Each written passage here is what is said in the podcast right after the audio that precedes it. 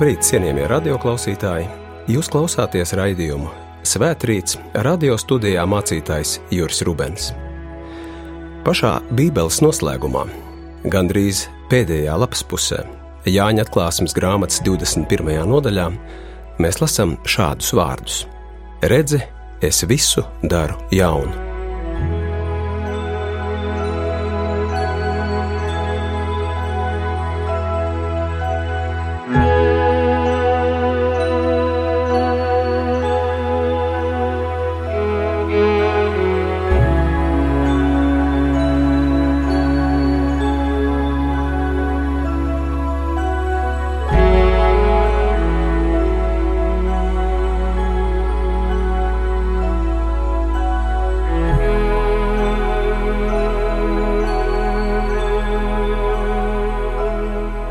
Jaunā gada sākumā varbūt ir vērts no jauna pārdomāt, ko šie bieži citētie jaunās derības vārdi īsti nozīmē. Pajautāt sev, vai mēs patiešām gribam jaunu gadu. No vienas puses šķiet, cilvēkiem patīk lietot vārdu jauns un gribēt jaunas lietas. Man šķiet, ka reklāmas, kurās ir uzsvērts, ka tā vai cita lieta ir jaunums, uzrunā cilvēkus. Un tomēr šis vārds jauns īstenībā sevī slēpj bīstamus zemūdens akmeņus. Kāds domātājs ir sacījis, ka ir viens kritērijs, pēc kura jūs varat pasakīt, ka kaut kas ir patiešām jauns. Ja jūs to sastopot vai piedzīvojot, izbīstaties. Jaunais ir vēl nebijušais. Tu nevari būt tam gatavs. Tu nezini, kas tas būs, un tu nezini, ko ar to darīt. Šāds jaunais mums nepārāk patīk. Cilvēki vēlas pazīstamo, saprotamo, kas rada tādu vismaz ilūziju, ka mēs kaut ko kontrolējam.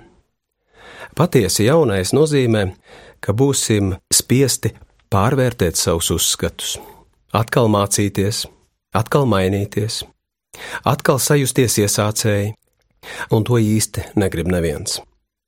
Esmu arī novērojis, ka daži cilvēki nereti uzskata, ka reliģija ir veids, kā mūžīgi turēties pie vecām, labām lietām un nepieļaut neko jaunu. Ka Dievs ir tāds vecās kārtības sargs, ka tas ir Dieva pienākums apsargāt vecas lietas. Jā, varbūt baznīcās būtu jāpulcina tie cilvēki, kas neko negrib mainīt. Taču Jēzus, kā zinām, no vecā neatstāja akmeni uz akmens.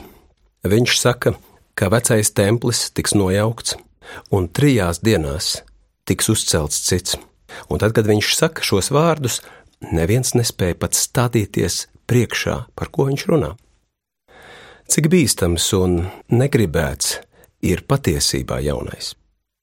Tāpēc lielu daļu no tiem, kas pavēsta ko tiešām jaunu, piemēram, dažādu laikmetu praviešus, Laika biedri gandrīz vienmēr apšauba, noraida, nogalina. Tāds ir, kā mēdz sacīt, pravieša struktūrālais liktenis. Izrādās, ka pēc jaunumiem izsalkušie cilvēki tomēr ienīst jebko patiesi jaunu. Ja mēs mēdzam ieķerties vecajām un gribam, lai Dievs vai mūsu ticība būtu veco lietu aizstāvji, taču Jēzus un kristīgā vēsts saprasta Jēzus garā nevis ierobežo pagātnē, bet ved uz priekšu nākotnē. Mums ir jāsaprot pareizi, nav tā, ka pagātne vai vecais būtu slikts. No pagātnes varam ļoti daudz mācīties, taču pamaniet starpību. Mums vajag mācīties no pagātnes, bet mums nevajag būt atkarīgiem no pagātnes. Mums jāmācās atvērties nākotnē, tam, kas vēlas dzimt šodien un rīt. Lielais jautājums, vai mēs varētu kļūt par instrumentiem topošās nākotnes rokās, ļaut nākotnē notikt caur mums. Tiešām nereti vārdi laimīgu jauno gadu slēpī sevī noklusējumu, lai tikai nekas patiesi jauns tavā dzīvē nenotiek. Lai paskaidrotu šo jucekli, kāpēc mums vienlaikus patīk un nepatīk jaunais, jāieskatās jaunajā derībā Proti, jaunās derības grieķu valodā jaunā aprakstīšanai lieto divus vārdus - neos un kainos. Problēma ir tā, ka abus latviešu valodā ir iespējams tulkot tikai vienā veidā, kā jauns, taču tiem ir īstenībā ļoti atšķirīgas nozīmes. Neos, nu, lai varētu paskaidrot šo vārdu, varētu ļoti vienkārši teikt, neos ir jauna čipšu šķirne, jauns automodelis, jauna piegriezuma kleita. Jā, kaut kas jauns, bet īstenībā tā paša vecā, ko mēs labi pazīstam, modifikācija.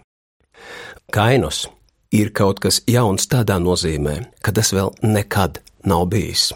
Kaut kas kvalitatīvi jauns. Bībeles teksts visās svarīgākajās vietās, runājot par jauno derību, jaunu cilvēku, vienmēr lieto vārdu kainus. Bet mēs bieži vien to gribētu lasīt kā neos. Cilvēkiem šķiet, vairāk vajag neos, ne kainus. Citiem vārdiem, man vajag jaunu uzvalku, bet es negribētu kļūt par jaunu cilvēku. Tur arī ir šī lielā starpība. Vai esat pamanījuši, ka katra kultūra, civilizācija vienmēr ir vēlējusies par katru cenu sevi saglabāt, un par pašu lielāko nelaimi uzskatījusi savu iespējamo bojājēju? Babilonieši, eģiptieši, persieši, romieši, bizantieši un daudzi, daudzi citi apraudāja savu kultūru norietu kā pasaules galu. Viņi bija pilnīgi pārliecināti, ka bez viņu kultūras pasaule zaudēs jēgu. Tas ir pašsaprotams, manuprāt, katras kultūras egoisms. Arī daži cilvēki mēdz apvainoties uz pasauli, ka tā, iedomājieties, turpinās eksistēt arī bez viņiem. Esmu lasījis, ka daži mūsdienu autori uzsver, ja mūsu civilizācija vēlas izdzīvot, tā nedrīkst atkārtot bojā gājušo civilizāciju un kultūru kļūdas. Viņi mūs pamāca, ja vien būsim garīgāki, ticīgāki, kārtīgāki, morālāki, nepiekāpsimies citiem un svešajiem, tad tas varētu izdoties. Tad mūsu civilizācija, pretēji citām, pastāvēs bezgalīgi. Bet varbūt Dievam ir cits pasaules redzējums. Ja nu neviena no kultūrām nav paredzēta mūžīgai valdīšanai un plaukšanai, ja nu katrai kultūrai, civilizācijai, līdzīgi cilvēkam, ir vienkārši jāpaveic savs laikā ierobežotais uzdevums, jāienes pasaulē konkrēti impulsi, un pēc tam stafeti jānodod citiem. Ja nu neviena civilizācija, tāpat kā neviens cilvēks, nemaz nespēja būt perfekta, morāla, simtprocentīgi kristīga, Ja nu katra civilizācija ir mudināta pazemīgi palūkoties uz sevi un veikt tikai savus uzdevumus, nevis tiekties dzīvot mūžīgi.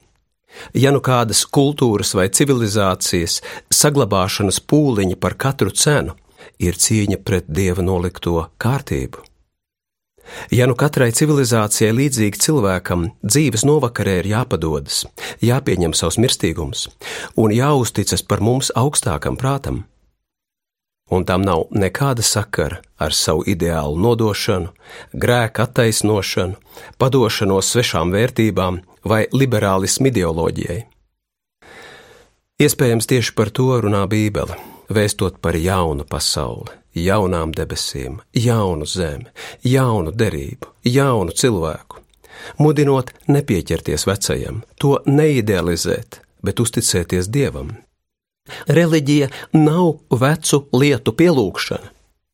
Tā nav dzīve ar skatu vakardienā. Mēs varam tikai censties paveikt labāko, atklāt un īstenot savus uzdevumus, un paļauties, ka pateicoties tam, Dievs varēs šo pasauli vest soli tuvāk, lielākam dziļumam un skaistumam.